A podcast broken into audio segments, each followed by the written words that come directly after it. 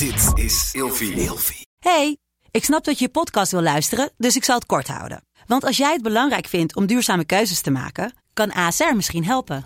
Nou hoor ik je denken, hoe dan? Nou, bijvoorbeeld bij het duurzaam herstellen van schade. Of de premies die we beleggen volgens ons duurzaam beleggingsbeleid. Dat bepaalt waar we wel en juist niet in investeren. Wil je meer weten over welke duurzame keuzes ASR maakt? Ga dan naar asr.nl slash duurzame keuzes. ASR doet het. Zo, dan kan je nu lekker naar je podcast luisteren. En dan uiteindelijk op het moment dat de hele boel opgeschaald wordt richting DSI en een groter commandocentrum en, en, en dergelijke, dan, uh, nou ja, dan kan er een afweging gemaakt worden of het een samenwerkingsverband wordt of dat het overgenomen wordt door de onderhandelaars van de DSI. En uh, ja, ook daarin is toch het eerste belang, lijkt mij, dat dat ook hier geweest is om contact te leggen van wat, wat wil jij? En het, nou ja, misschien is dit ook wel. Uh, op het moment dat iemand contact wil, dan wil die dus iets.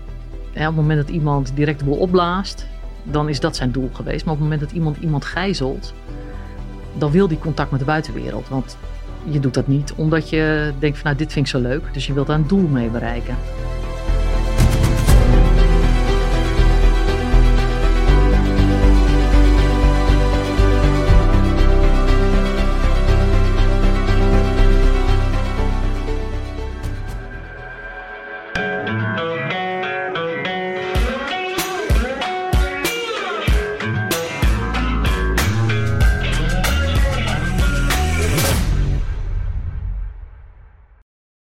Welkom bij een nieuwe Scherpschutters. Vandaag ga ik in gesprek met Heidi Nieboer. Zij was jarenlang police negotiator, oftewel onderhandelaar. Zij voerde talloze onderhandelingen uit bij gijzelingen, ontvoeringen en pogingen tot zelfdoding. Als expert onderhandelingsstrategieën bij de dienst speciale interventie, dus onderhandelen met terroristen, haar specialisme. Daarnaast had Heidi verschillende leidinggevende rollen binnen de politie. En is opleider, trainer en gedragswetenschapper. Die hoedanigheid trainen ze onder andere geheime eenheden. Nu is ze trainer leert ze mensen hoe zij in hun leven beter kunnen onderhandelen. Onder andere door een heuse hostage negotiation experience. Wat veel mensen zich misschien niet realiseren is dat onderhandelen een cruciaal onderdeel is in het leven. Mensen die goed kunnen onderhandelen verdienen een hoger salaris maar veel belangrijker zijn in staat om verbinding te maken met een ander zonder een eigen doel daarbij uit het oog te verliezen. Wat volgens mij een cruciale skill is in het leven. Wauw, wat een uh, staat van dienst uh, zitten jullie tegenover mij. Dus ik heb heel erg veel zin om dit gesprek aan te gaan. We hebben ook nog nooit een politieonderhandelaar aan tafel gehad. Dus ik kijk heel erg uit. Uh, heel erg fijn dat je hier bent, Heidi. Dankjewel, dankjewel voor de uitnodiging. Ja, ja leuk. Echt, leuk. Zo zie je maar weer de kracht van LinkedIn, hè? Ja, Zeker. ik, krijg, krijg, toch, ik merk toch wel dat ik veel van mijn gasten uh, via dat platform uh, krijg. Ik heb mm -hmm. natuurlijk een enorm groot netwerk daar ook. En ik uh, zag jou ook voorbij komen daar. en toen dacht ik, hé, hey, die moeten we hebben. Ik denk dat dat rondom de Apple Store gijzeling was dat jij naar boven kwam poppen. Maar dat zou kunnen. Toen heb, ben ik een aantal keer in de media ook geweest inderdaad. ja, en daar zelf het een en ander over gepost ook. Ja, ja. klopt. Dus dat, nou, dat zullen we vandaag ook zeker nog wel even aantippen, denk ik, die, die zaak. Um, heb je, de, je hebt de podcast wel eens gezien, hè? dus je weet waar. Ja. Wat mijn eerste vraag gaat zijn natuurlijk. Uh, ja. ja, wie ben ik? Ja, wie ben je, wie ben je eigenlijk? Wie ben je eigenlijk? Even een kort bericht van mij tussendoor. Wil jij ook leren presteren onder druk? De afgelopen jaren heb ik gewerkt aan de ultieme gids naar presteren onder druk. Samen met Erik Heijn hebben wij 50 jaar ervaring, zowel praktisch als theoretisch, in wat er voor nodig is om prestaties te leveren. Ook als de druk hoog is. Wil jij meer weten over deze mastery module? Ga dan snel naar www.scherpgutters.online en daar vind je alle informatie. Ik hoop jullie snel te zien. Nu weer snel terug naar de podcast. Ik, ik, nou ja, je hebt mijn naam genoemd, Heidi Nieboer. Ik ben 54, uh, geboren in een klein dorpje in, uh, in Drenthe. In een gezin uh, met twee ouders en twee oudere broers. Dus ik was het kleine, het kleine zusje. En ja, ik ben altijd een nieuwsgierig uh, meisje geweest. Dus ik moest alles ontdekken. Was overal. Wilde van alles weten wat erachter zat. Zowel bij mensen als bij dingen. Als, dus nou, ik, ik heb mijn jeugd als, als redelijk vlieren fluitend eh, en, en, en onderzoekend eh, ervaren. Op mijn twaalfde werd mijn vader helaas ziek en op mijn dertiende is hij eh, overleden. Nou, nu achteraf zie je dat dat uiteraard een behoorlijke impact op, eh, op het gezin, maar ook op, op mij heeft gehad eh, de rest van mijn leven. Maar goed, het heeft me ook veel gebracht. Maar ik kijk altijd terug op een, een goede en ja, liefdevolle jeugd. Het kleine dorpje in Drenthe was wel een beetje klein, vond ik. dus ik had al heel snel de neiging om de wereld wat, wat meer te gaan verkennen. Ja. Dus ik was 17 toen ik het VWO had afgerond. eh, en het enige doel wat ik echt wist wat ik wilde, was eigenlijk toch wel naar de politie. Ehm, de politieacademie wilde ik toen. Dan kwam je binnen als, eh, als leidinggevende. Ik had, ik had wel al redelijk snel door naar alleen maar op straat lopen. Ja, ik heb nog steeds ongelooflijk veel waardering voor collega's die op straat lopen. Maar wist ook van mezelf dat ik wel wat meer uitdaging nog nodig had op een ander vlak. Ook echt wel op intellectueel vlak. Ja, eh, ja, ja. En, en wat meer de grotere, grotere structuren zien. Maar ik was te jong voor de politieacademie. Je moest 19 zijn eh, met ingang van 1 augustus. Ik had nog twee jaar te overbruggen. Dus ik had me voor allerlei leuke opleidingen ingeschreven. Ik werd overal aangenomen. Maar toen had ik iets van, ah, dit gaat hem niet worden. Want daar ga ik me echt heel erg in vervelen als ik dit werk ga doen. En het varieerde van logopedie tot kunstacademie tot, eh, tot fysiotherapie. Dus nou, van alles wat. Nou, toen heb ik gezegd, dan ga ik maar eerst een jaar naar het buitenland. Dus een jaar in Amerika gewoond. eh, de high school gedaan. Toen naar de HAO communicatie. Dus communicatie zit er al vroeg in. Ja. En eh, toen uiteindelijk toch de overstap gemaakt. Ben aangenomen toen de tijd op de politieacademie. In, eh, in Apeldoorn zat hij toen eh, aan het eind van een doodlopend bospad, werd wel eens gezegd. Eh, Ja, ja. Dat was nog de oude academie. Toen had je nog de politieschool en de politieacademie.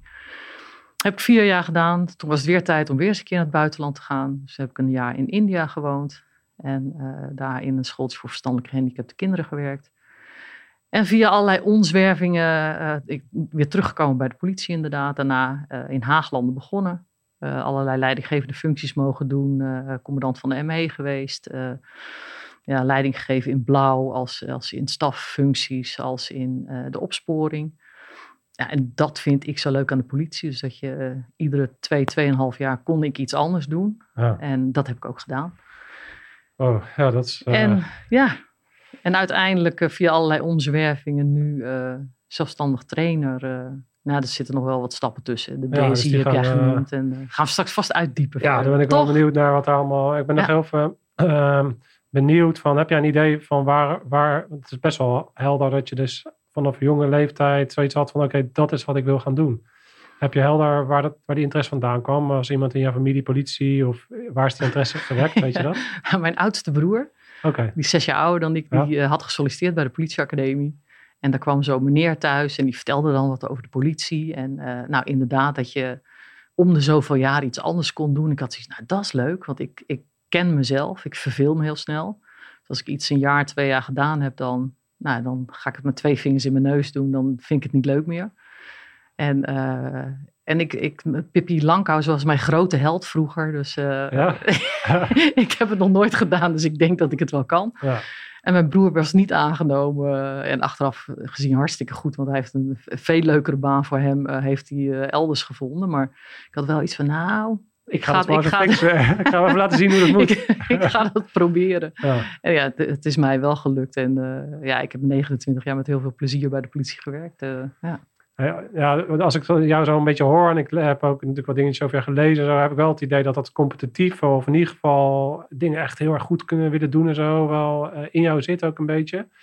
Eh, heb je, komt dat uit, uit en dat eh, noem je hier natuurlijk vanuit je grotere broer, van oh, dat ga ik wel even laten zien. Zat daar in jullie gezinsleven ook al een beetje die dynamiek van ja, streven, wil ik het niet noemen, maar wel het competitieve en Nou, dat is wel leuk, want competitief ben ik helemaal niet. oké, Op het moment dat de strijd komt, dan word ik klein. Dan haak ik een beetje af en denk ik van, nou, hier ga ik niet aan meedoen. Ja. Maar het is meer perfectionisme, denk ik. En dat zit wel in mijn opvoeding van als je iets doet, moet je het goed doen. En alles wat je hebt, moet je dankbaar voor zijn. Dus ik kom uit een redelijk links nest. Oh ja. En Maar dat is ook wel interessant, omdat ik denk de politie toch wat meer rechtsgeoriënteerd is over het algemeen. Of, of zie je dat? Is dat een beetje een goede mix? Mm, Nee, weet ik niet. Nee? Nee, nee. dat, dat kan ik niet echt zeggen. Nee, Nee. nee. Dus maar ja, dat was wel de norm bij ons thuis vroeger. eh, en wees dankbaar voor wat je hebt. Het is heel verdrietig dat je vader overleden is. Maar, kijk Maar- wat we nog wel hebben. Ja. Ja. ja, dat heeft heel veel gebracht. Uit, uiteraard ook veel gekost. Maar Ja, eh, ja, het heeft wel gemaakt tot wie ik ben. En eh, het perfectionisme, ja, dat werd me niet met de paplepel ingegoten. Het was altijd wel van, jij altijd. Of jij ook altijd met je. Of jij, eh, waarom doe je zo moeilijk? Eh, dus ik, dat is wel een beetje mijn karakter, denk ik. Dus en dat verschilt wel van, van je broers. Ja, die snappen mij niet altijd wat ik, wat ik altijd moeilijk aan het doen ben. Ja, ja. Ja, dat is grappig. Ik ben ook de jongste van drie. En ik, Oké. heb, ik herken wel die dynamiek ook een beetje. Hm. Dus ik heb dat ook meer dan mijn oudere ja, ja. broer en zus. Ja. En ook dat, eh, het feit dat je dan naar India gaat en daar gaat werken op een eh, school voor gehandicapten. Mhm. Dat zit ook wel een klein beetje in dat eh, altruïsme of een beetje dat linkse gedachtegoed. idealisme, of ik weet niet waar, hoe je het zou kunnen samenvatten. Maar Ja, ja. Toch? iets goed doen Ja, iets wees, goed doen, iets wees je bewust hoe goed wij het hebben. En, en dat kan je delen met een ander. En toen ook overwogen. Ik ben toen de tijd met mijn toenmalige partner gegaan. Ja, willen we een jaar rondreizen eh, voordat we serieus worden? De huisje, boompje, beestje bij wijze van spreken. Of eh, nou, gaan we iets goeds doen? En dat was wel het, het verhaal van laten we iets goeds doen inderdaad. Ja, En dan die combinatie, want je hebt natuurlijk daar wel eh, mooi ook rondgereisd en dingen gezien van de wereld, denk ik. tuurlijk, Ja, ja. ja. En, en Am- Amerika was eigenlijk voor jou eh, dan, als je het hebt vanuit Drenthe en ik had toch grotere doelen in het leven, was Amerika voor jou best wel een eerste grote stap waarop je in je eentje dan dus eh de Atlantische Oceaan overgaat en daar Ja. eh, in, in het grote Amerika aan de slag gaat. Hoe was dat? Eh, ja, hoe was het? Ja, bijzonder. Ik was inderdaad, eh 9 augustus werd ik, werd ik 18. Op 10 augustus zat ik in mijn eentje in het vliegtuig. En normaal gesproken, ik zou daar naar een gastgezin gaan. Alleen dat, gas, dat, dat lukte niet helemaal. Dus op, ze hadden ook nog geen gastgezin voor mij. Dus ik ging, stak de oceaan over zonder te weten waar ik s'avonds in, in, in bed zou gaan liggen, bij wijze van spreken. Oh, Dus ik vind het ook nog steeds echt waanzinnig stoer van mijn moeder dat ze dat. eh, losgelaten. ja, dat ze, dat- en dat ze me dat heeft ja, toegestaan. Hè, dat ze er gezegd hebben, joh Heidi, ga maar en je komt op je pootjes terecht. En eh ja, vind ik echt vet stoer. Ja. Dus dat, eh, alleen maar waardering daarvoor. En ja, dan, dan gaat er een wereld voor je open. En aan de ene kant, ik zat op de high school, dus dat is echt wel een lager niveau dan het VWO. Mensen waren ook allemaal wat jonger. Hè. Daar is de high school vier jaar. Dus ik had zes jaar eh, VWO gedaan, dus ik was wel wat ouder dan de rest. Maar ja, welke dingen je daar mag zien en mag beleven en een andere cultuur.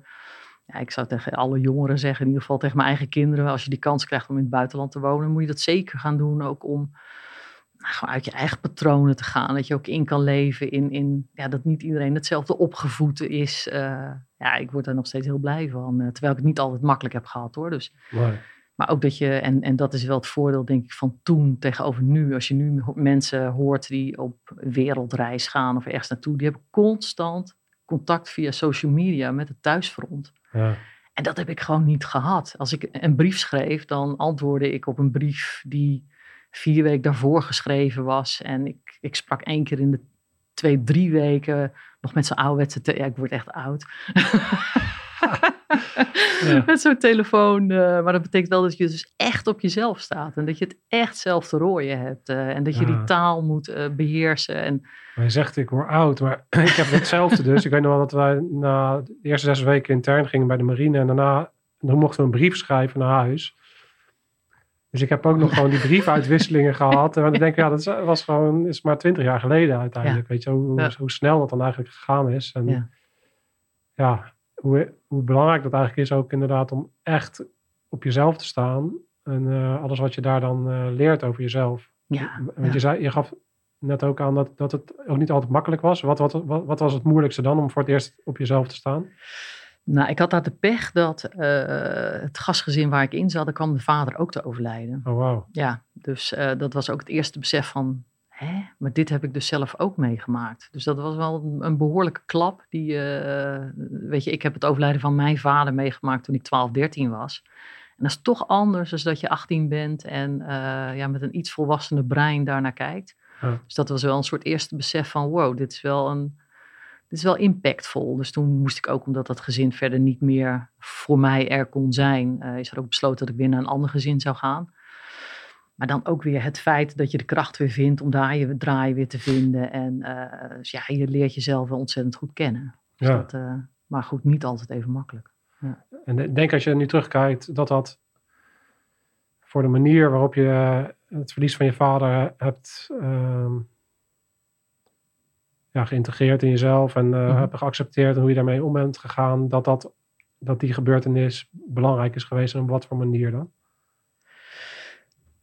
Ehm, dat is een mooie vraag. Eh zit ik even heel diep na te denken. Ik denk dat. Ja, ik, dan gooi ik wel heel veel, heel veel persoonlijke verhalen erin. Hè? Dat is, Nee, mijn, dat- dat... is mijn job. Hè? ja, nee, dat is ook zo. Ja, en dat is mijn job om te, te, Ja, te de- bedenken de wat ik wel wil zeggen en wat ik niet wil zeggen. nee, hoe heet dat? Eh, nee, dat was wel het eerste besef van: eh, wow, dit, dit is zwaarder dan dat je dat als kind kan, eh, kan beseffen. Alleen daar was wel mijn overlevingsstrategie die ik van huis uit meegekregen had van en door. Eh, en kijk naar wat je wel hebt. Kijk hoe fantastisch het is dat je hier in dit land zit en dat je hier mag zijn. En, eh, dus ik ben wel weer op de en doorstand eh, gaan staan. En ik heb pas een jaar of zeven geleden geleerd dat dat niet altijd de beste methode is. En zeven jaar geleden heeft een, neefje van mij een eind aan zijn leven gemaakt. Die was 19 en dat was een beetje mijn ja, herkenningspunt in de familie. Die was ook nieuwsgierig. Die dacht ook moeilijk na volgens de rest van de familie over dingen. En dus toen had ik wel iets van, hmm, volgens mij moet ik ook leren om op een andere manier, eh, niet en door. Ja. ja, dat is een thema, wat, een terugkerend thema aan deze podcast. Want ik heb natuurlijk vaak hetzelfde soort, ja, ik noem het uit dezelfde hout gesneden Mhm. mensen tegenover me zitten. Mhm. En natuurlijk heel veel herkenning. En ik noem dat inmiddels door ook de wijsheid die ik natuurlijk heb opgedaan in eh 130 afleveringen Scherpschutters. Mhm. Noem ik dat inmiddels de volmaking van de warrior. Het is het gaan, het voorwaarts willen, het willen ontdekken van de wereld, eh, je, je, je, je erkenning van, van, van je vakmanschap, weet je, iets, iets leren en iets bijdragen. En die dynamiek is heel erg belangrijk. En eh, ja, na je dertigste vaak, op, op een bepaald punt, bij de ene komt dat begin dertig, bij de andere komt pas eh, als, je, als je over de veertig bent. Dat zal verschillen. Maar er komt een bepaald moment en dat komt vaak gepaard met een bepaalde gebeurtenis. Ja. Of dat nou iemand is die zijn hand verliest tijdens een ongeluk Ja. eh, op het werk. Of dat je iemand verliest in de familie. eh, of een scheiding of eh, wat dan ook. Er komt een bepaald moment waarop je geconfronteerd wordt met, met een stukje van het, ja, toch ook wel het loslaten van het erkenning hebben op de dingen die je doet. Mhm. En het meer, oké, maar wie ben ik echt eh, daaronder? En, en hoe, hoe integreer ik ook een stukje van die andere kant? Ja. Ehm, dus dat is wel ja, bijzonder om te horen dat jij ook een dergelijk proces hebt gehad. Als je dat tenminste herkent wat ik net omschrijf. Ja, absoluut. ja. En dat is ook wel, ik weet dat die vraag eigenlijk pas later komt. Waarom, Jij weet de vraag al, hoe kan dat? van waarom ben je bij de politie weggegaan? Is wel eh, ook het overlijden van mijn neefje, inderdaad. Dat ik iets had van, goh, hij heeft het leven niet kunnen leven. En dat betekent wel dat ik het leven ten volste wil leven. Dus dat ik geen spijt wil hebben van de dingen die ik niet gedaan heb. Ja.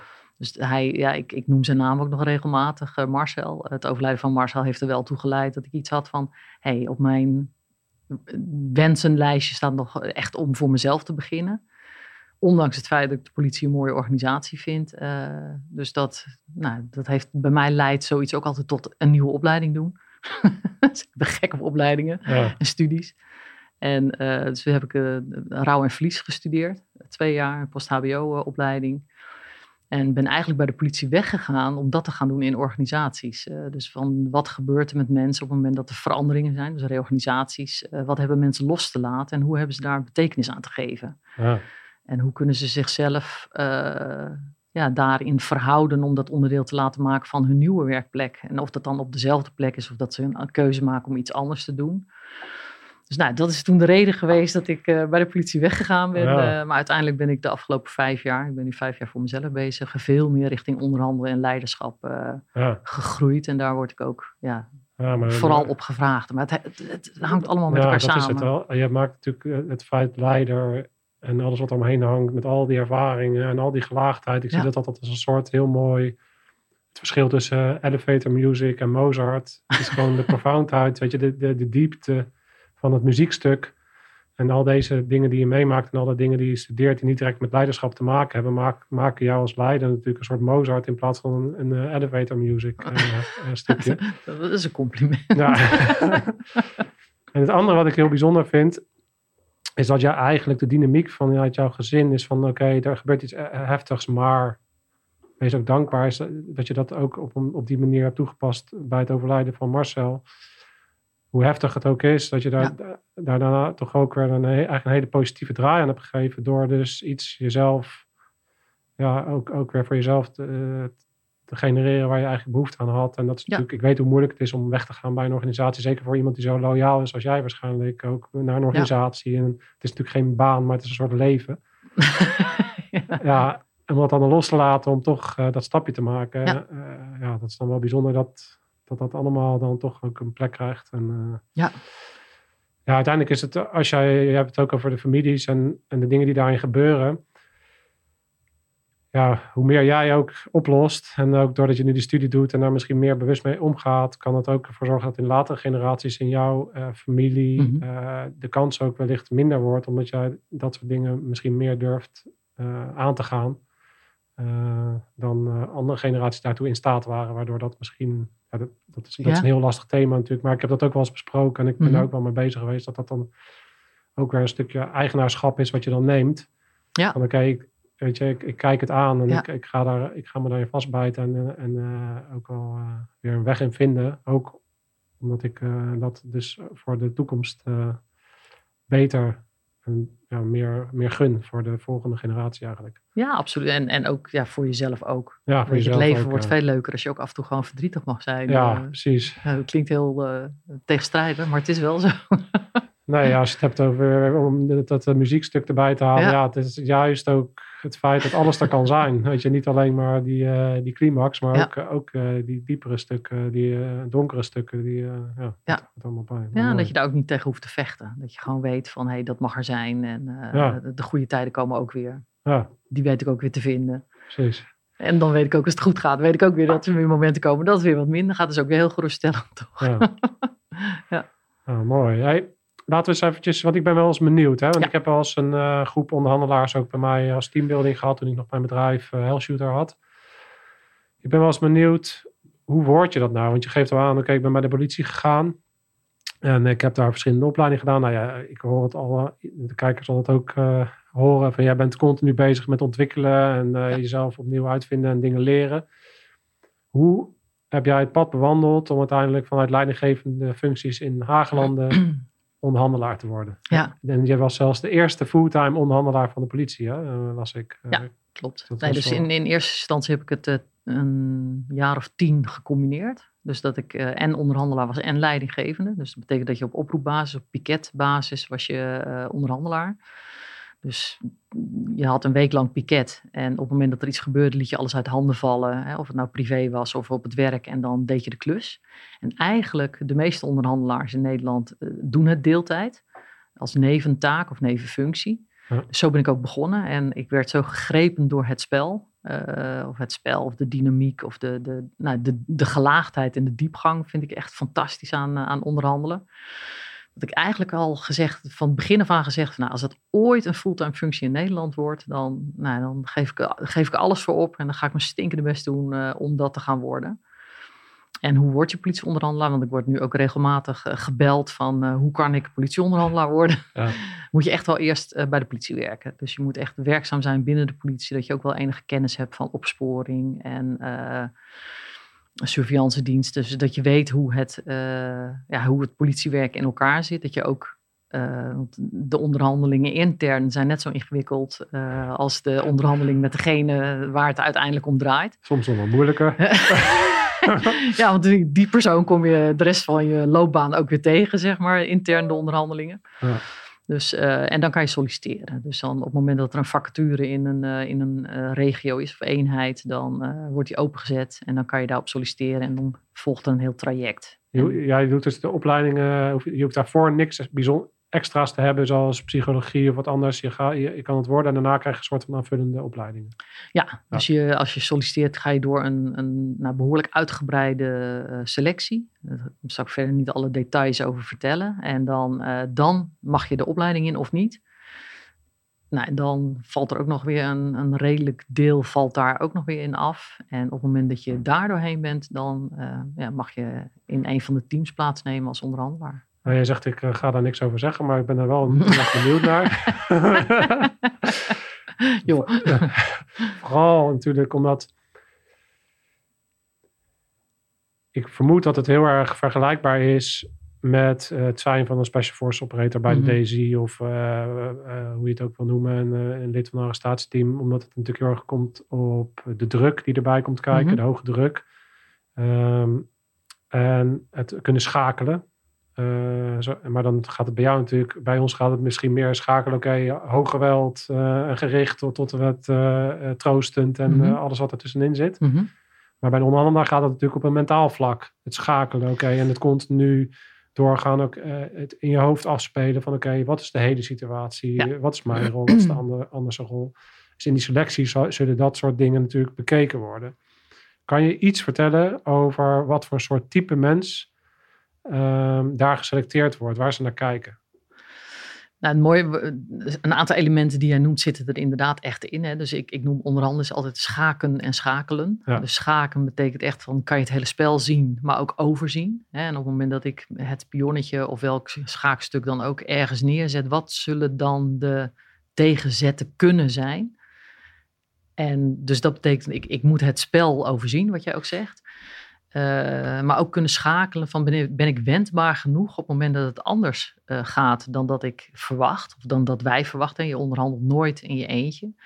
Dus het is niet zo sexy als in sommige films en series. eh, dat de onderhandelaar alles beslist en de baas is. En zo werkt het niet. Dus wij zijn slechts één van de vele schakels in, ja, in, bij een incident. Eh, en dat schakelen, dat je als team zegt van nou weet je, stel dat, stel dat. Dus je, je verzint allerlei dingen. En op het moment dat het anders loopt, dat je ook in staat bent eh, om flexibel te blijven. Dus je wordt echt wel getest op flexibiliteit en communicatiestijlen ook. Eh, dus dat is wel wat ze zoeken. En iemand die toch verbaal aan kan sluiten. Hè? Want ik kan, als ik met een heel hoog opgeleid iemand moet onderhandelen, heb ik ander taalgebruik nodig dan een jongen van de straat of een crimineel of een eh, terrorist. En een terrorist moet niet tegen zeggen van eh, hoe gaat het vandaag, waarmee kan ik je helpen? Dat is, dat is iets anders. Ja. Dus je moet daar constant in kunnen schakelen. Dus dat, dat zoeken ze wel heel erg. Ook mensen die stuurbaar zijn. Dus eh, nou, net wat ik zeg in films, hè, ik weet niet of je Casa de Papel bijvoorbeeld. Ja. nou, het is verschrikkelijk vanuit het oogpunt van de onderhandelaar. maar Ja. Eh, jij krijgt de opdracht wat je moet doen, eh, wat je hebt te bespreken met eh, de andere partij. En eh, ja, dat heb je uit te voeren. Dus je moet daarin stuurbaar zijn. Want als ik mijn eigen gang ga en allerlei dingen toezeg, ja, dat kan niet. Dus daar, daar word je ook echt wel op getest. En ehm, ja, heb je een oordeel? Ik, ik heb ook een opleiding in Engeland gedaan. Dat was heel mooi. Er was iemand, daar moeten de mensen van Special Forces, die gaan allemaal ook de, of, of eigenlijk van de arrestatieteam, de SWAT-teams, die doen ook de opleiding om het eerste contact eventueel te kunnen leggen. Maar een van die mannen zei echt van ja, dit is zo echt niet mijn ding. Want deze man doet iets fout. Mijn ding is dan dat ik hem achterover moet trekken. En ik ga niet met die man in gesprek. Dat is echt, dat kan ik niet. Nee. Dus daar wordt ook echt wel naar gekeken van in hoeverre kan je incasseren. Eh, en hoe, in hoeverre kan je je eigen oordeel over de, datgene wat er gebeurt. En ik zeg altijd, ik heb nooit een oordeel over de persoon. Maar ik heb absoluut een oordeel over wat die persoon aan het doen is, uiteraard. Dus eh, ja, als je dat niet kan. En die mensen hebben we ook nodig hè, binnen de politie of, en, en binnen special forces. Die gewoon zeggen, hey, dit is mijn opdracht en ik ga en ik hoef helemaal geen contact te leggen. Ja. Maar ja, als je contact met iemand moet leggen die iets verschrikkelijks aan het doen is, ja. dan moet je dat wel kunnen. Nou ja, dat is heel belangrijk wat je noemt, denk ik, Hm. om uh, daarnaar te kijken. Kijk, wij zijn, ik heb natuurlijk ook, wij hebben trouwens in dezelfde tijd ongeveer ook wel gezeten, Hm. dat ik tactisch commandant was van de antiterreureenheid. En wij waren het laatste redmiddel. En het Ja. laatste redmiddel betekent dat we het stadium van praat voorbij zijn Ja. en we dus overgaan tot actie. Dus daar is dan weer een andere skillset voor nodig, inderdaad. En dat betekent niet dat op het moment dat wij binnenkomen, dat wij dan niet meer de plicht hebben en het besef hebben dat we met een minimaal eh, toe te passen geweld onze, Mhm. eh, onze missie willen behalen. Maar het betekent wel dat het praten op een ander level zit. Het praten zit meer op, oké, Ja. zij moeten doen wat wij Ja. nu bepalen. En dat is natuurlijk heel anders dan wat jij doet. Ja, en soms is het ook niet mogelijk om te praten. Dus dan is dat laatste redmiddel nodig. Ja. Dus, eh, en op het moment dat dat laatste redmiddel voorkomen kan worden. Hè, want eh, als we naar gijzelingen, eh, ontvoeringen kijken, vallen de meeste gewonden en doden bij een inval. Dus op het moment dat je dat zou kunnen voorkomen en kan voorkomen, ja, dan is dat altijd beter natuurlijk. Ja. En soms lukt dat niet. Ja, dan hebben we gelukkig een arrestatieteam en andere eenheden die, die ingezet kunnen worden. Ja. Ja. Ja, dat is interessant. Dus, dus uh, het is toch een bepaald type mensen wat daar dus uh, geselecteerd wordt over de selectiemethodes en zo. Dat, uh, daar hoeven we verder niet in detail -hmm. op in te gaan. Maar hoe bereid je voor zoiets voor? Kan je daar iets voor mensen die toch een ambitie zouden hebben? Hoe bereid jij je nou voor op zo'n keuring? Kan je daar überhaupt voorbereiden? Ben, ja. Want ja, ik bedoel, als je speciaal voor. Kijk, mensen die dan kijken, ja, dan ga ik fysiek ga ik heel sterk worden. En ik ga de 10 kilometer onder zoveel tijd lopen. En ik ga zoveel keer optrekken. Ja. Dus je kan je natuurlijk op allemaal manieren trainen. Maar dit is natuurlijk een ander. Dus wat, wat zou je als tip kunnen geven qua voorbereiding? Nou, is echt wel ken jezelf ook. Hè? Wat gebeurt er met mij op het moment dat ik uh, onder spanning kom te staan? Of op dat moment dat ik iets, iets van iemand vind. Uh, ja, en, en je communicatieskills ontwikkelen. Ja, eigenlijk zou ik je willen uitnodigen. En dat, dat toen ik de heimelijke takken van sport trainde, uh, nodigde ik mensen ook van ga nou dat gesprek aan met die, men, met die persoon in de trein waarvan je denkt van zo, dat is een eikel, bij wijze van spreken. Of nou, dit lijkt me echt helemaal geen leuk mens. Ja, probeer daar het gespreks mee aan te gaan. Waar kan je de verbinding vinden met iemand? Want dat is, nou ja, goed, dat is ook de, de, de slogan van mijn bedrijf, van, van connectie naar impact. Je kan nooit het verschil maken als je geen verbinding, geen connectie met die ander maakt. En voor een onderhandelaar geldt dat ook. En kan jij dat? Nou, dat is een uitdaging. Uh, ja. Dus gewoon heel veel gesprekken proberen te voeren. En verder kan je er denk ik niet zo heel erg op voorbereiden. Je, het moet ook een beetje moet ook een beetje in je zitten. En natuurlijk krijg je extra skills en tools en, en, en wat dan ook tijdens de opleiding. Maar het, het moet wel je ding zijn. Ja. Ook. Nee, helder. Dus wat dat betreft zou, zou de tip zijn... ontwikkel je op het uh, persoonlijke vlak... en uh, wees je bewust van wat jouw interne dialoog is... en uh, ontwikkel dat en probeer connectie te maken... en vervolgens doe gewoon de keuring, want dan weet je het het snelst. Ja, Toch? Kort door de ja, bocht. Uh, zoals het eerder. Ga, ga door de selectie. en dan krijg je een ja of een nee en dan kan je gewoon verder. Ja. Dus ja. Uh, nou, het, het, mooi. Hey, dan, dan, dan, dan, dan ga je bepaalde trainingen doen en dan word jij op een gegeven moment uh, dus de fulltime onderhandelaar mm -hmm. bij de politie. Maar daarvoor heb je waarschijnlijk ook al Nee, heb je natuurlijk al die aanloopperiode gehad van parttime. Dus, ja, toen heb ik meer zaken gedraaid dan als fulltime onderhandelaar. Echt waar? Want toen als fulltime onderhandelaar was echt mijn specialisme uh, met extreem geweld en terrorisme. Maar dan kom je een soort van hoger in de boom als het ware. Ja. Omdat je dan natuurlijk een bepaald specialisme krijgt en de moeilijkere zaken kreeg eigenlijk. Ja, ja. dus dan, nou ja, het hele stelsel uh, rond de DSI en dergelijke. Dus op het moment dat de DSI uh, een, een, zaak overnam of iets deed, dan kwam de, nou, ook expert onderhandelingsstrategieën was dan, zat dan weer bij de algemeen commandant. En we hadden een aantal mensen opgeleid in Nederland om die onderhandelingen te kunnen doen ook. En uh, ja, dat gebeurt gelukkig niet zo heel vaak. Uh, terwijl poging zelfdoding of een gebarricadeerde verdachte, uh, ja, dat gebeurt veel vaker. Dus de meeste onderhandelingen die ik gedaan heb, was als deeltijdonderhandelaar. En kan je eens ons meenemen dan naar zo'n... Ik, weet, ik weet, we hebben het er van tevoren natuurlijk ook mm -hmm. wel besproken. Je blijft natuurlijk altijd uh, hebben van... Oké, okay, wat kan wel verteld ja. worden en wat niet. En uh, het is mijn, never nooit niet mijn intentie om nee. dingen naar buiten te brengen. Maar ik ben toch wel benieuwd. kan je eens ons meenemen naar een zaak die bij jou is blijven hangen? En uh, daar wat over, over vertellen van... wat gebeurde daar specifiek? Hè? Wat mm -hmm. was de situatie? wat was jouw rol? hoe heb je het aangepakt? Ja. Kan je daar wat over delen? Nou, dat is wel mooi, want het eerste wat in me opkomt is eigenlijk de grootste zaak die ik gedraaid heb. Uh, althans, bij de DSI heb ik een aantal zaken in het buitenland gedraaid, uh, ontvoeringen in het buitenland. Uh, maar in Nederland, een van de grootste zaken is de, de gijzeling in de Rembrandtoren. Dat was precies zes maanden na 9-11. Dus dat, nou, de datum klopte exact, exact op de dag, nauwkeurig zes maanden na. Dus de, de eerste indruk was dat dit zou wel eens een terroristische actie kunnen zijn. Ehm, nou, ik, ik, had die dag piket. Ik werkte nog niet zo heel lang in Amsterdam, dus ik kende de weg daar nog niet zo heel goed. Oh. ik was wijkteamchef, uh, nee, toen nog plaats, ja, plaatsvangend wijkteamchef Meer en Vaart. En ja, toen kreeg ik het belletje van, uh, ga naar de Rembrandtoren. Geen idee waar de Rembrandtoren was. Uh, dus nou, me uiteindelijk laten begeleiden naar de Rembrandtoren. En daar hebben we dan met het hele team, met vijf man, hebben daar, uh, vijf of zes man, hebben daar de zaak gedraaid. Ik was coördinator in deze, in deze zaak.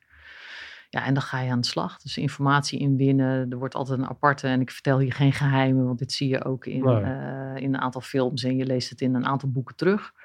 Dus er wordt een aparte onderhandelaarscel opgemand. En uh, ja, ik had het contact tussen de commandant en de onderhandelaarscel.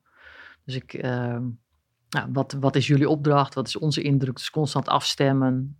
wat moet er gedaan worden? Dus dat is eigenlijk de grootste zaak. En als je mij vraagt van wat is de zaak die het meest, waar je het meeste beelden aan overhoudt, dat is een zaak die ik in Amsterdam gedraaid heb, waar een vader uh, samen met zijn zoontje, ik denk dat hij een jaar of acht, negen was, bovenaan de trap stond, een heel, heel nauw trapje, dus de AT kon er ook niet naar binnen. En de vader stond met een samurai zwaard op zijn buik en het jongetje met een broodmes. En als ik de blik in de ogen van het jongetje nog uh, voor me haal, dan, dan krijg ik nog steeds kippenvel. En denk ik van, wauw, wat een ongelooflijk heftige zaak was dat uh, qua persoonlijk leed. Dus Hmm. er zit wel een verschil voor mij in. eh, Was het de grootheid van de zaak? Of was het eh, ja, de impact die, die een beeld of, of een emotie van iemand met wie je in gesprek was, eh, wat dat opgeleverd heeft? Dus ja, Ja, ja, dat kan ik me voorstellen dat ehm, dat, dat het meest eh, blijft hangen. Mhm. Wat, eh, ik ben even benieuwd zometeen eh naar die eh, zaak in Amsterdam. Mhm. Ehm, wat, wat, wat je noemde Casa de Papo, wat, wat mij wel bij is gebleven eh, van, ik heb die, eh, voor mij alleen seizoen 1 gekeken, maar wat denk ik wel eh, enigszins interessant is aan die serie, is de dynamiek in de CP. Dus Mhm. in, de, in de soort van die chaos. Ja. Dat is natuurlijk een soort van- van gecontroleerde chaos, maar jij weet net als ik, want ik, ik, ik, jij, natuurlijk, jij noemt al informatiemanager, want dat is eigenlijk Mhm. Zelfs toen ik als tactisch commandant in een eh, gijzeling in een grote school zo naar binnen ging, Mhm. dacht ik van ja, ik ben eigenlijk bijna een soort informatiemanager. Ik loop wel met mijn wapen, maar eh, je bent eigenlijk alleen maar bezig als commandant eh, ter plekke van oké, wat komt er binnen? Wat gebeurt er? Wat is daar? Wat? Ja. Dus je bent, je bent een informatiebegeleider, manager eigenlijk. Ja, en dat Ehm. ben je als onderhandelaar dus absoluut niet. oké, Dus degene die aan het woord is, de, dat noemen we de eerste onderhandelaar, die houdt zich alleen maar met de andere persoon bezig. Dus die, die is in gesprek met de ander. En nou ja, dit valt ook wel terug te lezen in met name boeken van, van FBI-mensen, zeg maar. Dus dat is degene die eh, fulltime gefocust is op, op de, en ik noem het ook expres geen tegenpartijen, dus op, de, op de andere persoon. Ja. Op het moment dat ik het over een tegenpartij heb, dan heb ik daar alle mening over. Dus dan zitten wij aan tafel terwijl we een strijd aan het voeren zijn. Dus nee, wij moeten hier samen uitkomen. Dus jij bent mijn gesprekspartner, jij bent niet de tegenpartij. Dus het gaat over hele kleine, Ja. hele kleine dingetjes. Dan heb ik altijd iemand naast mij die de buddy is. Dus die kan mij dingen influisteren. En dus dat is een, een, een driehoek. En de informatiemanager, dat is de coördinator van de onderhandelaars. Dus die zorgt van, hey, welke informatie is er, hoe stemmen we af met alle andere eenheden. En daarboven zit natuurlijk de commandant die vertelt wat er dan moet gebeuren. En in Casa de Papel, daar is de onderhandelaar die beslist alles. En die beslist wanneer er een AT naar binnen gaat of een SWAT-team. Of, eh, nou, dat is, wij zijn eigenlijk als onderhandelaar, ja, heb je dezelfde status als het arrestatieteam, de scherpschutters. Maar ook degene die bij de afzetting staat, dat mensen eh, niet in het gebied kunnen komen. Eh, dus eigenlijk ben je een van de vele tools die ingezet kunnen worden om, om de situatie veilig te beëindigen. ja. En meer is, meer is het ook niet, zou ik haast heel oneerbiedig zeggen. Maar Nee, kijk, als je, je moet natuurlijk op een gegeven moment ook eh, een soort van alles soort van weghalen. En ook gewoon, ik vind het wel Ja. interessant dat je dus, dat, dat, dat je dus die dynamiek hebben. Dat jij dus echt eigenlijk een soort van afgeschermd wordt van al die chaos. Dat was ik absoluut niet. en bij mij kwam alle chaos juist. Dus ik was denk ik dan en dan ben je Meer- commandant ja, inderdaad. dan eh, ben ja. je dus meer. Ja. En terwijl mijn teamleader is natuurlijk wel beschermd eigenlijk van alle informatie. Mhm. eh, zodat ze ja, in hun stukje van de operatie hoeven zij. In het begin moeten ze wel het totale overzicht hebben. Maar als we eenmaal de green on hebben, we gaan voorwaarts. Dan is het op een gegeven moment natuurlijk van oké, ja, need to know. Van oké, dit is wat jij moet weten, dit is wat jij moet weten. Maar En wanneer is het ballast? Hè? Op het moment Ja. dat je de, de, de, eh, de uitvoerenden te veel ballast geeft, eh, kunnen zij ook gewoon last van hebben. Ja. Zowel in jouw tak van sport als ook bij onderhandelaars. Ik wil niet weten dingen die ik alleen maar van hem of haar zou kunnen horen. Ja. Dus dat wil ik niet ingefluisterd hebben, want ik, ik ben op dat moment ook een vertrouwensband aan het opbouwen met die persoon. Ja. Ja. En een ander belangrijk onderscheid wat ik eh, merk tussen de twee voorbeelden die jij noemt, is dat bij de ene zaak zit je denk ik dan over communicatiemiddelen te praten, maar bij de andere had ik, eh, sta je onderaan een trap, Ja. sta je te onderhandelen. Ja, is echt face-to-face. Maakt dat een groot verschil? Ehm, ik- als je, het- is absoluut anders. Het is afstandelijker op het moment dat je het eh, via de telefoon doet. Wat ook maakt dat het minder emotioneel voor jezelf is. Eh, het voordeel is dat de ander jouw mimiek niet kan zien. Het nadeel is dat jij de mimiek van de ander niet kan zien. Hè. Dus we hebben het over non-verbale communicatie. Dan hoor je dat nog wel in stemgebruik. eh, maar verder is daar niet heel veel non-verbale communicatie natuurlijk. En dat is met face-to-face. Dus maar daar kan je ook. Nee, ik ben wel iemand die redelijk met mijn handen praat. Dus je kan ook mensen echt uitnodigen eh, met je non-verbale communicatie. En dat kan niet op het moment dat je aan de telefoon bent. Soms moet het telefonisch, omdat dat gewoon de enige manier is. eh, of die veilig is. Of dat je bij een ontvoering bijvoorbeeld heb je ook, weet je ook niet eens waar de persoon is. Dus dan eh, ja, Nee. kan je niet eens face-to-face onderhandelen. Ja. Bij spanning is een van de eerste plekken waar, waar het hoorbaar is, is op je stem. Ja. Hoe maakte jij jezelf rustig voor dat eerste contact? Op een manier dat je. Is dat belangrijk? Hè? Dus, dus ik denk, als ik kijk, ja, een van mijn dingen is natuurlijk nu ook wel een soort van content maken. Maar het is echt een heel. Als ik kijk naar ding, Mhm. content, dus dingen, boodschappen die overkomen, heeft het altijd te maken met mensen die een soort van even geaard zijn en dan de dingen kunnen overbrengen. En dat is bij jouw vak natuurlijk essentieel. Ja. Had jij een soort ritueel of een bepaalde manier om jezelf rustig te maken? Of was je van nature al rustig in zo'n situatie? Nou, ik heb wel eens eerder gehoord dat eh, hoe, hoe hectischer het wordt, hoe rustiger ik in mijn stemgebruik word. Een voorbeeld was, eh, ik ben ook een ja, jaren commandant in de ME geweest in Den Haag. Als er dan eh, demonstraties waren en zeiden ze, nou, als hij die heel langzaam gaat praten, dan moet je oppassen, want dan is het heel spannend. Eh, hè, daar waren andere commandanten dan wel zo, eh, bravo, dubbel nul, hier, bravo. Maar als ik heel serieus en heel rustig, dan wisten ze dat het spannend werd. Eh, dus blijkbaar heb ik dat in mijn stemgebruik. Maar als onderhandelaar had, had ik wel als, als ritueel. eh, en dat doe je altijd ook weer met je team of met je buddy. Hangt vanaf een beetje. Een poging zelfdoding kan je met z'n tweeën doen in principe. Nou, dat je, dat je echt een aantal what-if scenario's. Dus dat je al een soort zelfverzekerdheid van joh, wat, wat er ook gebeurt. Ik heb een aantal scenario's in mijn hoofd. En dat zijn er geen 99. Want nou, als je 99 scenario's in je hoofd hebt, dan gebeurt het 103e scenario. En dan loop je vast. Maar op het moment dat je drie, vier scenario's hebt, dan ben je, heb je een open mindset. Dus dat betekent dat je in staat bent om, nou, om te blijven schakelen ook.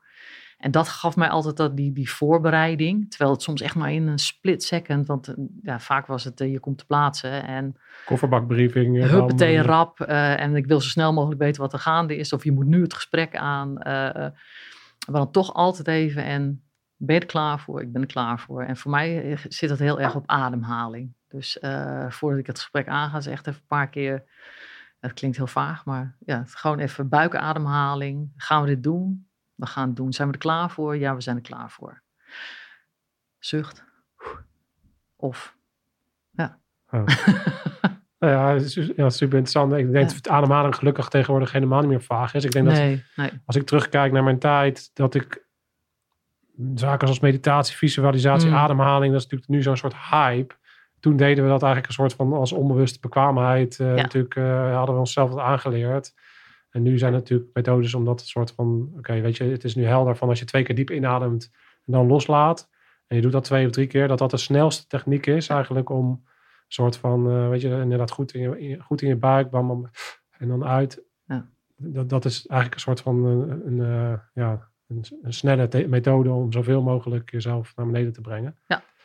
En je hebt boxbriefing, je kan allerlei dingen inzetten. Je moet voor jezelf natuurlijk de methode vinden als jij ooit in een setting bent. Maar dat kan ook zijn als je op een groot, voor een groot podium een presentatie moet houden of wat voor een prestatie Ja. je dan ook moet leveren. Of bij een van de podcasts moet gaan zitten.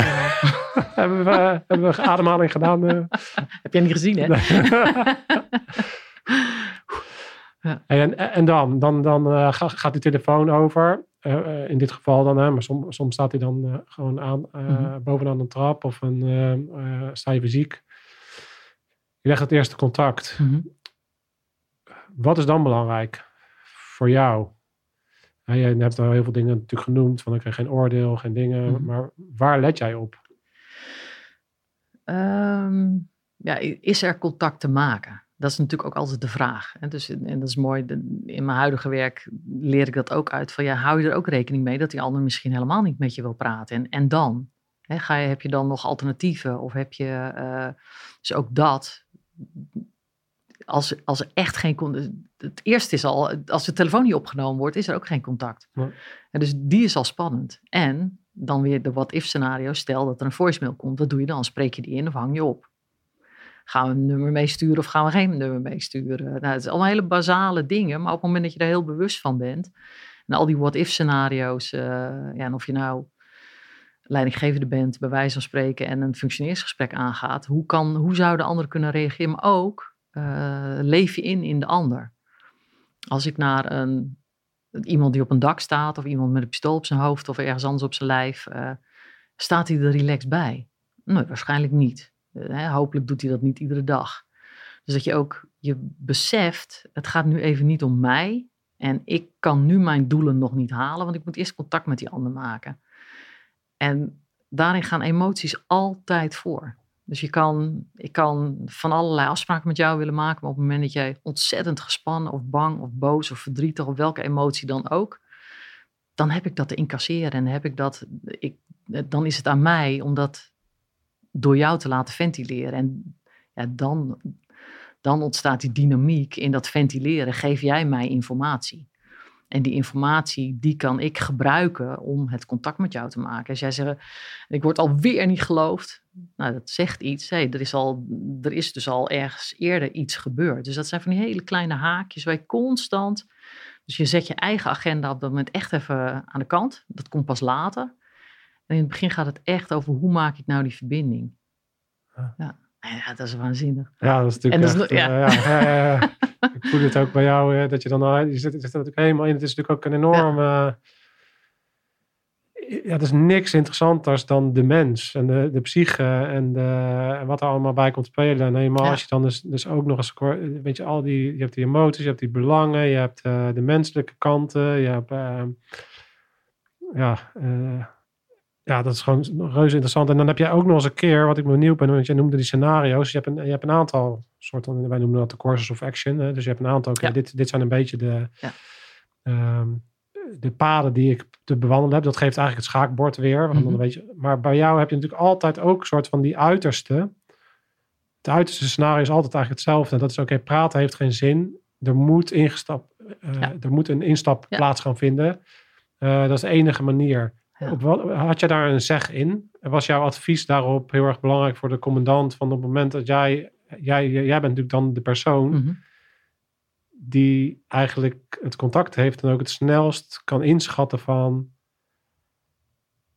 ja. praten houdt op. Ja, terwijl ik natuurlijk subjectief ben. Want op het moment dat ik een beetje contact met jou heb, dan heb ik altijd het idee dat het goed gaat komen. Dus ja. juist mijn buddy of de coördinator, dat is degene die daarin adviseert. Of toen ik expert onderhandelingsstrategieën was, uh, dan bekijk ik het proces en ik adviseer de algemeen commandant.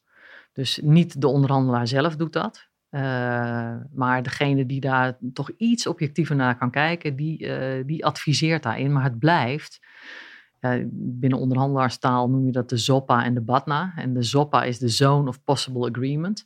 En eigenlijk zijn dat de beleidsuitgangspunten, zo heet het bij de politie, van wat, wat mag wel Waar mogen we het over hebben? Wat mogen we hem of haar toezeggen of niet? En mogen we medicijnen inbrengen? Mogen we, eh, mogen we iemand uitruilen? Nou, doen ze in films. In het echt is dat niet heel handig. Dus wat mag wel en wat mag niet? En op het moment dat die onderhandelaar dat weet en die persoon vraagt iets anders, dan kan de onderhandelaar ook altijd zeggen: van, Ja, weet je, ik ga heel hard mijn best doen voor je, maar ik, ik ga hier niet over. Dus dat heel helder is dat je geen toezeggingen mag doen die ook maar iets buiten die ZOPA liggen. En dat is het leuke, want dat werkt ook in het onderwijs. Dat werkt in de corporate world, werkt het ook zo. Van binnen welke grenzen mag ik onderhandelen als, als dealmaker? Op welk front dan ook, of als leidinggevende? Wat, wat, tot waar kan ik iemand dingen toezeggen? Heel vaak willen we de goede vrede bewaren in, in heel veel gesprekken. En dan gaan we mensen dingen toezeggen die we eigenlijk niet waar kunnen maken. Of we komen terug, in mijn geval als, als politieonderhandelaar, dan bij een commandant die zegt, wat flik jij me nou? Ja, jij zegt dingen toe die helemaal niet kunnen. Hè, want we hebben andere afspraken met nou, andere eenheden die meedoen in een, een dergelijk scenario. Maar die dealmaker voor die corporate eh, business, die zegt, nou jongens, ik heb de deal binnen. Nou, wat heb je afgesproken? Ja, maar dat kan echt niet, dus ga maar weer terug. Dus, ja, dat, dus die ZOPA van tevoren bepalen is onvoorstelbaar belangrijk. Maar je BATNA, dus Best Alternative to Negotiated Agreement, lekker Nederlands.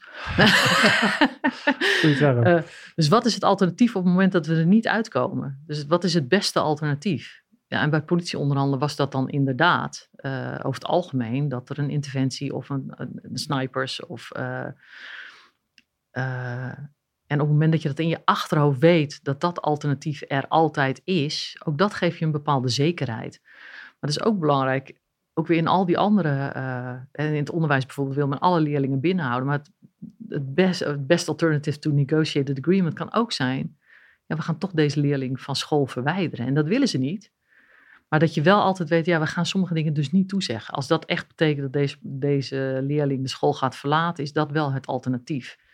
Of als deze leverancier het niet binnen onze ZOPA doet, hebben we, de, hebben we een alternatief? Hebben we een andere leverancier of uh, is die er niet? Dus wat is je alternatief? En op het moment dat je dat ook weet, geef je ook veel meer zekerheid in je, in je onderhandeling, omdat je er gewoon veel steviger in staat. Ja, ja. Wow, ja dat is natuurlijk ik snap ook heel goed de link en de dingen die je nu doet. Hè. In het bedrijfsleven, je bent nu ook bedrijf aan het trainen. Je noemt al, ik moest ook, voordat je het al zei, meteen denken aan de dynamiek van een, een, een sales medewerker. En degene die de, de, applicaties moeten bouwen bijvoorbeeld.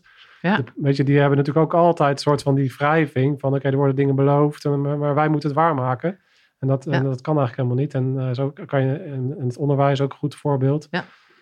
Dus dan zie je al dat het, het, het vak wat jij beoefent, het onderhandelen natuurlijk heel breed toepasbaar is in het leven. En, uh, en, dat het heel interessant is om dus inderdaad heel goed naar jou te luisteren. Hoe jij, hoe jij naar dat soort dingen kijkt. Mhm. Hoe je dat dan, uh, hoe je dat dan aanvliegt. Als je nog even, nog heel veel in dat gesprek, hè, voordat mhm. we dan zo meteen ook verder gaan onderzoeken, is van, je hebt het steeds over verbinding maken. Mm heb je daar specifieke technieken voor? Of ga je, ga je daar heel erg op je gevoel af? Of uh, wat kan je nou doen als je merkt van het is ingewikkeld om contact te maken met iemand? Wat, wat voor dingen kan je doen? Ja, het, het, meest bazaal is luisteren, samenvatten, doorvragen, LSD. Dat, dat, klinkt heel bazaal, alleen dat blijkt best wel heel moeilijk te zijn.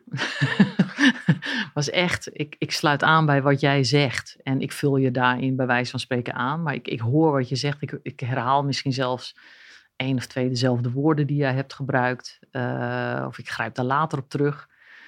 Uh, dat, je, dat je echt oprecht luistert om de andere te begrijpen. Niet om uh, niet luisteren om te reageren, maar luisteren om te begrijpen. Dus in heel veel trainingen nu ook geef je, geef je ze een oefening en dan dan zie je ze denken op het moment dat, jij, dat wij bijvoorbeeld moeten onderhandelen en jij noemt, nou jij zegt wat jij zou willen, dan zie je de ander al denken, wat gaat mijn tegenargument zijn? Terwijl je eigenlijk, oh, dus jij zegt, uh, als ik je goed hoor, oh, dat is, dat is lastig. En dan hou je weer stil bij wijze van spreken. Dat is echt de manier. Ja, en dan heb je, als je naar beïnvloedingsstrategieën kijkt, uh, de, de tafel van tien van Elle Giebels, uh, die is professor aan volgens mij op dit moment weer aan de Universiteit van Twente. Zij heeft ook heel veel onderzoek gedaan naar uh, politieonderhandelaars. En zij zegt er zijn een aantal beïnvloedingsstrategieën die op relatievlak liggen. Dus hoe kan je aansluiten bij de ander? Uh, je gunt iemand die vriendelijk is, gun je meer dan iemand die, die vijandig of bot is. iemand die gelijkwaardig is, daar heb je makkelijker contact mee. Als ik weet dat ik met een directeur van een bedrijf moest onderhandelen, nou, dan kwam ik daar niet aan met mijn spijkerbroekje en mijn t-shirt, want dan, dan mis je al iets. Maar op het moment dat ik met iemand uit Schilderswijk moest onderhandelen, bij wijze van dan kwam ik daar niet aan in, in, in nou, niet dat ik ooit een mantelpakje draag, maar dan kwam ik daar niet in hele nette kleding aan, want dan, dan sla je de plank ook mis. Dus, en je hebt inhoudelijke uh, beïnvloedingsstrategieën. Dus dat, dat je echt directe druk of uh, rationeel overtuigen. Dus er zijn een aantal en op het moment dat je die mooi kan mixen, dan, kan je ook, dan krijg je ook dat contact met die ander. Ja. En die oprechte nieuwsgierigheid, dat... Uh, dat werkt, hè? Ja, en de tijd nemen ook. Ja. Daar, als je, ze hebben onderzoek gedaan, dat is de uh, Program on Negotiation van de Harvard University, of de Harvard Business School. Daar hebben ze een goede onderhandelaar, is 80% van de tijd luistert hij. Dus er blijft 20% over dat hij zelf spreekt. En van die 20% stelt hij 10% de helft dus vragen. Dus eigenlijk goede onderhandelaar is maar 10% zelf aan het woord. Het is dat ook vergeten we interessant nog wel eens. Ja. als je eh, reflecteert dat maar eens op jezelf. Dat mensen vaak, als ze een gesprek hebben gehad, wanneer ze een goed gevoel van een gesprek hebben, Mhm. betekent vaak dat ze 80% aan het woord geweest zijn. en dat is in dit geval, ja, dat, ik denk dat de meeste mensen die als ze echt eerlijk gaan kijken van Mhm. wanneer heb je nou echt het gevoel dat je een fijn gesprek hebt gehad, heel vaak is dat mensen eh, hun ding hebben kunnen vertellen. Mhm. Dat dat een fijn gevoel geeft van, oh, dat was echt een fijn, een fijn eh, gesprek. Ik heb Ja. echt, eh, dus dat betekent ook, jij wil natuurlijk eigenlijk, natuurlijk ook degene die aan de andere, andere kant staat, ja, fijn gevoel is een beetje overdreven, maar wel het gevoel geven van, oh ja, weet je, ik word gehoord en ik, dus je, als je het om zou draaien en jij zou 80% aan het woord zijn, dan sla je natuurlijk volledig de plank mis. Ja, ja. Je, je wil natuurlijk eh, zoveel mogelijk eh, die ander aan het woord laten. En om wel iets te bereiken. Ja. Ja, dus mensen zeggen, ja, eh, soft gedoe. Dus, en, en wat jij in het begin ook al zei, van onderhandelen gaat ook echt wel over de ander begrijpen. Hè. Wat is, ik zeg altijd, de eis is niet de onderliggende behoefte. Dus op het moment dat iemand 10.000 euro eist, bij wijze van spreken, ja, maar wat wil je dan met die 10.000 euro? Eh, dus wat is die behoefte die eronder ligt? Ja. Dus het gaat echt wel over begrijpen, maar ook begrenzen. Van ja, maar dat, dat is niet mogelijk. Of dat, dat, eh, maar waar kunnen, we, waar kunnen we een alternatief zoeken? En dat gaat eigenlijk met, ja, je hebt ook kinderen toch? Ja. dat, dat als, als die iets willen, ja, willen ze nou echt om 12 uur thuis zijn? Of zit daar wat, dat is al vroeg hè, dat is heel ouderwets ook weer. Nou, die van mij is negen. Dus, eh, Oh, dit, die, wil waarschijnlijk later naar bed. Ja, Ja, dus eh, waarom wil jij later naar bed? Ja, want dan kan ik nog dit of dat of dat doen. Ja, maar moet dat vandaag of zou dat morgen ook kunnen? Dus dan gaat het dan om, ik wil laat naar bed of gaat het om dat er nog iets moet? En dat is het leuke met onderhandelen en in welke en, en leiderschap. Eh, Ja. Dus mm, kan je een alternatief bieden voor, voor die behoefte die er ligt? ja.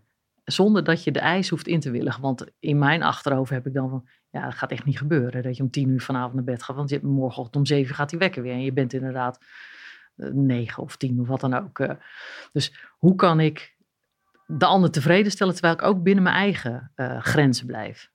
Ja. Ja, en dat, dat is leuk. Ja. ja, dat is zeker leuk.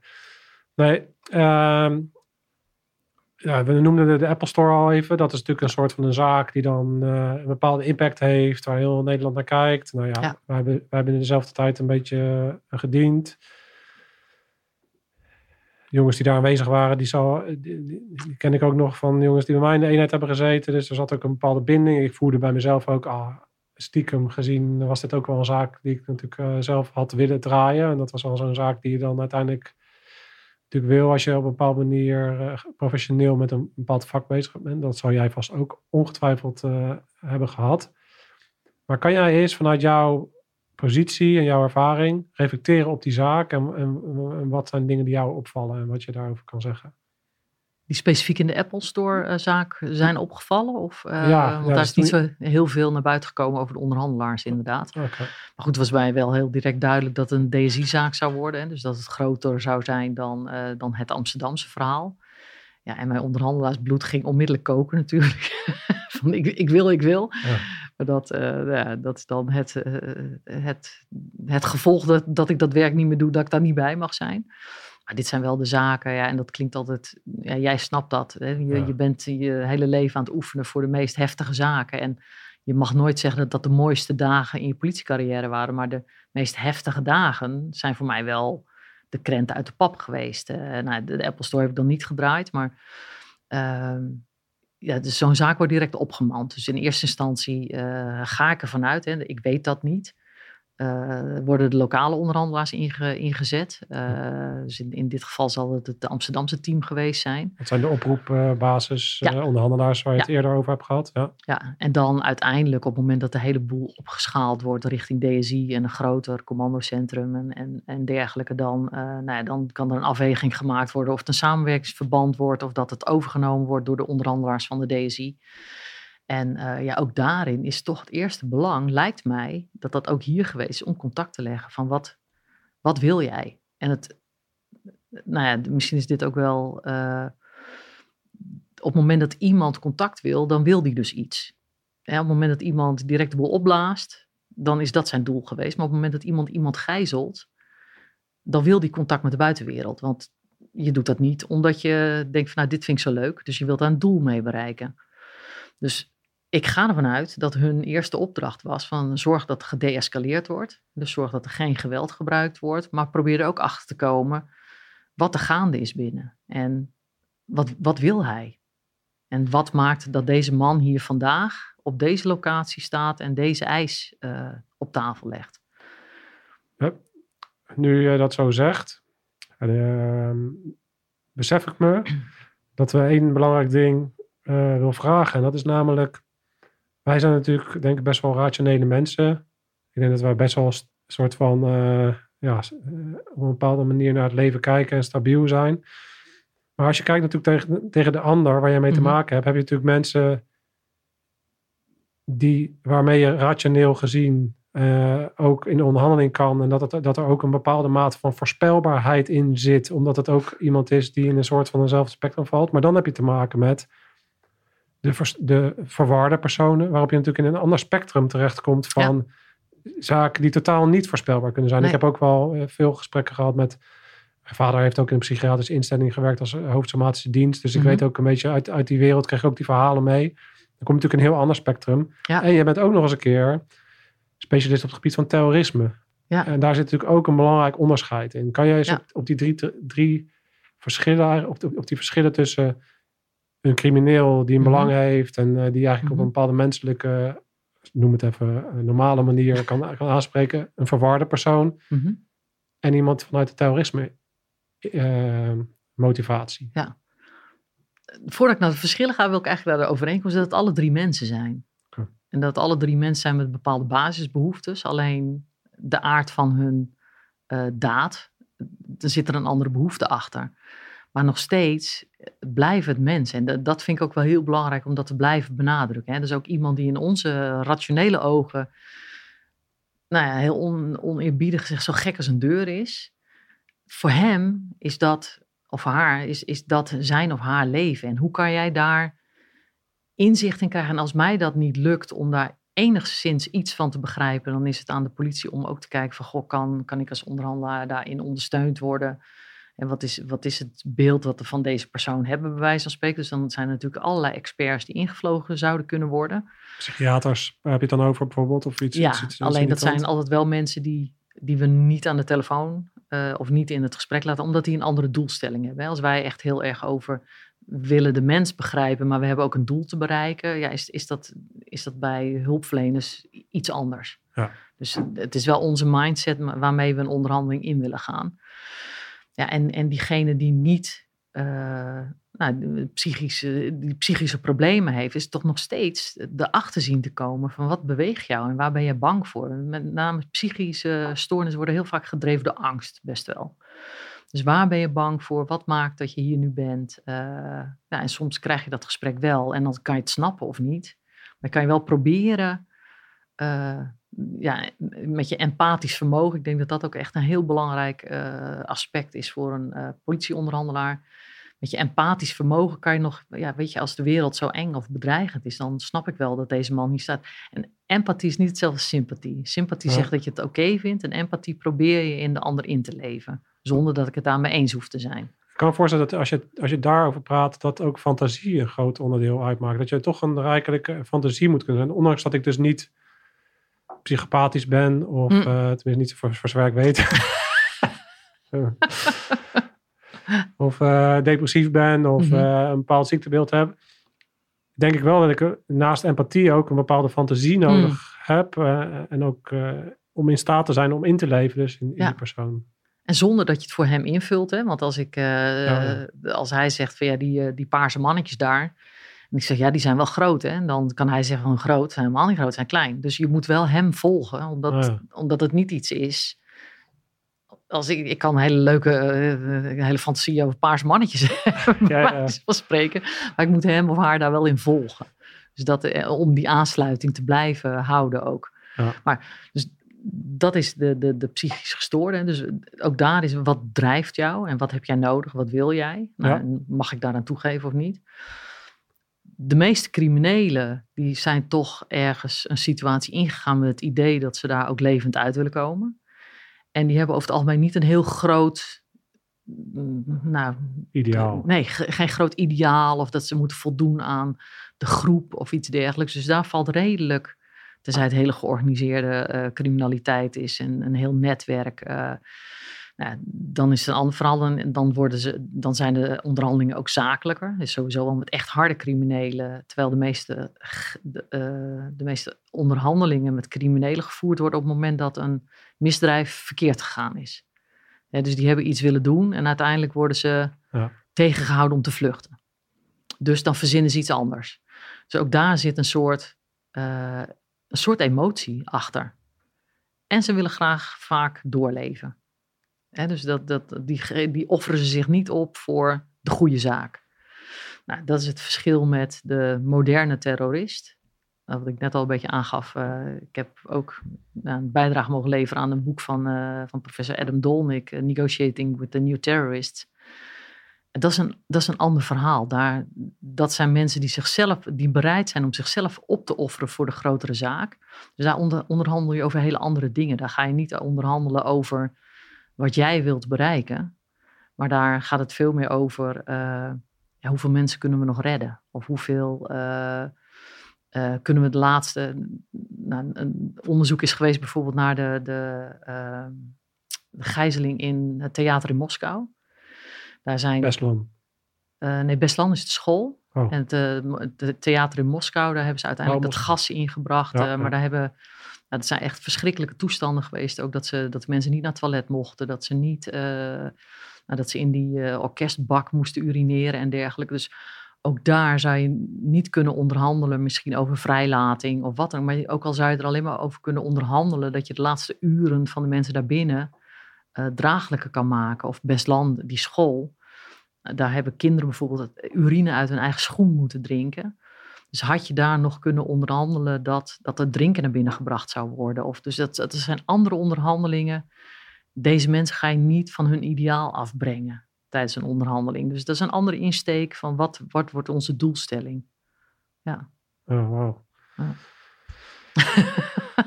ja, nou, het is ehm, super interessant. Ik merk nu alweer dat we eh, eigenlijk een extra lange uitzending van hadden, hadden moeten maken.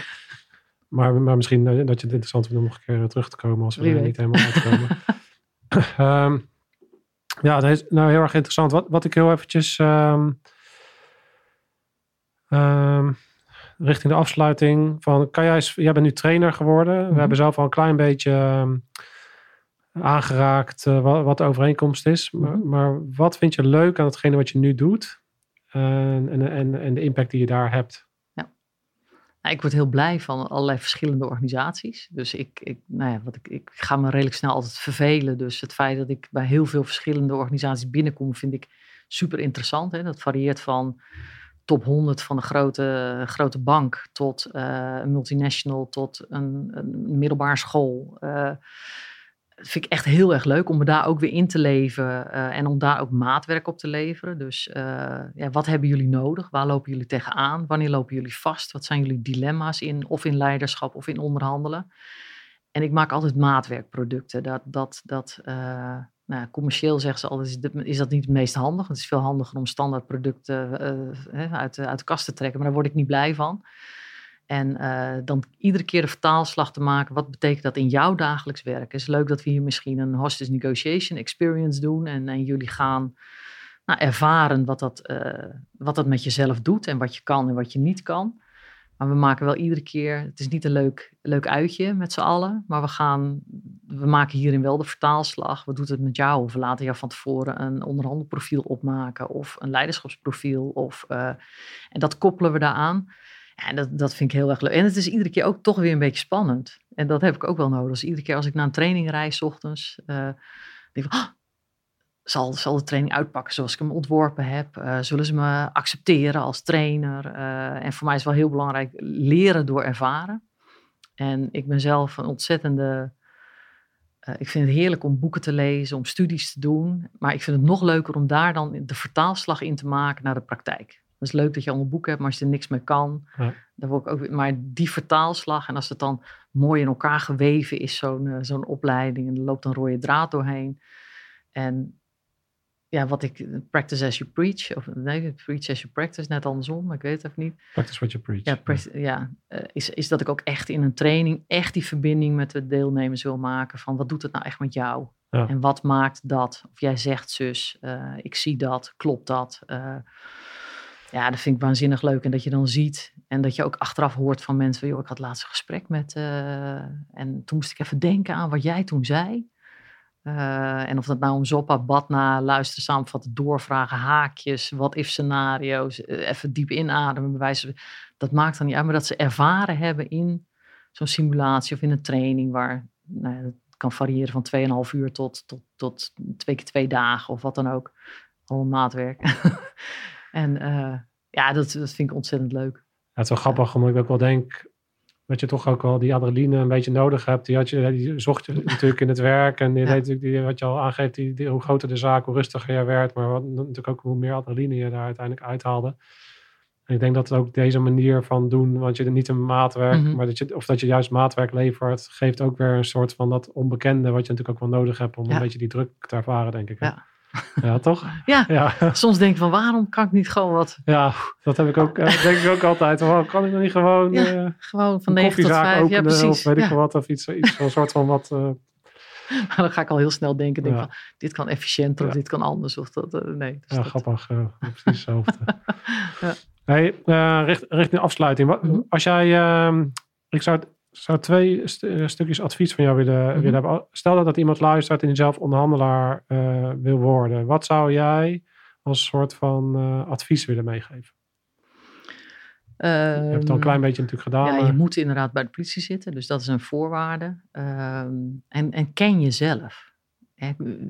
Vind je, is dit echt iets voor jouzelf? Heb je een goed beeld ook bij het vak? Heb je een heel romantisch beeld? Uh, of besef je ook dat je af en toe best een grote verantwoordelijkheid hebt en wel dat ene draadje bent en dat het ook wel eens fout kan gaan? Uh, ja, wil je dat? Kan je dat? Uh, kan je dat dragen ook? En wanneer word je zelf gegijzeld? Dus wat, wat gijzelt jou? Of is dat als iemand agressief is? Of is dat als iemand zegt ik vertrouw jou niet? Of, en iedereen heeft zijn eigen dingetjes waar je door, waar je door getriggerd wordt. Hè? De red buttons, de rode knoppen waar men op kan drukken. Dus ja, ken jezelf. En, en kijk of jij wendbaar bent om met iedereen contact te leggen. Oh, mooi. Ja. Hey, en uh, algemener, we hebben het ook al gehad natuurlijk over hoe onderhandelen eigenlijk best wel een soort van essentieel is in het leven. uh, voor iedereen die dit luistert, denk ik, ik zou eigenlijk, misschien weet je dat ook wel van jezelf, ik zou eigenlijk wel iets betere onderhandelaar willen zijn. Mm -hmm. Wat voor advies zou je aan iemand willen geven die in het algemeen in het leven een sterkere onderhandelaar wil zijn? Ja, moet mij bellen natuurlijk. en nieuwsgierig zijn naar de ander. En je beseffen dat, dat datgene wat de ander vraagt misschien niet de behoefte is. Uh, en ook bij jezelf is datgene wat jij vraagt, is dat hetgene wat je wilt of ligt er ook een andere behoefte onder? En dat je, dat je samen tot een dialoog komt. En ik zeg dat het een gesprek is, deze zegt wat en deze zegt wat. Dit is een waarheid en dit is een waarheid. En een dialoog, daar probeer je beide waarheden groter te maken waardoor er een overlap komt. En in die overlap, daar kan je de, de, de, de deal vinden. Of daar kan je de, de, uh, ja, de uitkomst vinden. Dus hoe zorg ik dat jouw waarheid wat groter wordt... en dat die, tegen, die van mij aan gaat schurken... en nog liever dat het gaat overlappen zelfs. Oh. Ja. Nou, mooi. Gaan we eens kijken of uh, denkt iedereen dat het op zichzelf kan uh, uh, relativeren van... nou, doe ik dat en doe ik dat genoeg en hoe ga ik daar dan mee om? Ja, luister ik om de ander te begrijpen of luister ik om te reageren? Ja. ja. Nou, mooi. Hey, laatste vraag. Als jij, uh, even met me meegaat naar Heidi. Je bent 80 jaar. En je, je zit ergens eh, buiten. En je, en je denkt terug aan eh, hoe je hier aan tafel eh, zat. Mhm. En hoe je de dingen aan het doen bent die je nu aan het doen bent. Waar is de 80-jarige Heidi eh, dankbaar voor, voor wat je nu doet? En waar je nu bent? Eh, voor mijn opvoeding. Is echt wel vanuit mijn, mijn gezin dat daar wel de basis is gelegd dat ik mezelf mag en kan ontwikkelen. En het lef hebben om buiten de begane paden te, te, te stappen af en toe. En dat dat soms rete spannend is, maar nou je kan uiteindelijk weer terug naar het vertrouwde nest. Of je, je vindt een heel mooi nieuw pad. En dat, eh, nou, daar ben ik dankbaar voor dat ik daar de kans voor gekregen heb als, als jongere. Eh, de kansen zelf gegrepen heb toen ik volwassen was. En dat ik nu ook daar de kans in krijg en ook nog steeds neem. Eh, nou ja, ook binnen mijn eigen gezin krijg ik daar ook alle mogelijkheden toe. En nou, ik hoop dat ik ze ook door mag geven aan, aan de volgende generatie. mooi, supermooi. Ik vond het heel fijn eh, met jou in gesprek te gaan. Echt heel eh, bijzonder ook weer dingen ge- geleerd. Dus eh, heel erg bedankt eh, dat je hier je verhaal hebt, eh, hebt gedeeld. Ja, dankjewel. Het ook een leuk gesprek. Ja. Top. Snel gegaan. Ja, ik zit al, want jij, jij moet natuurlijk naar de volgende afspraak. Want anders was ik nog een uur met je doorgegaan. Maar eh, we, gaan hem, we gaan hem hierbij afsluiten. Dus eh dankjewel. Ja, jij ook, dankjewel. Alright jongens, eh, bedankt voor het kijken. Tot de volgende Scherpschutters. Uit.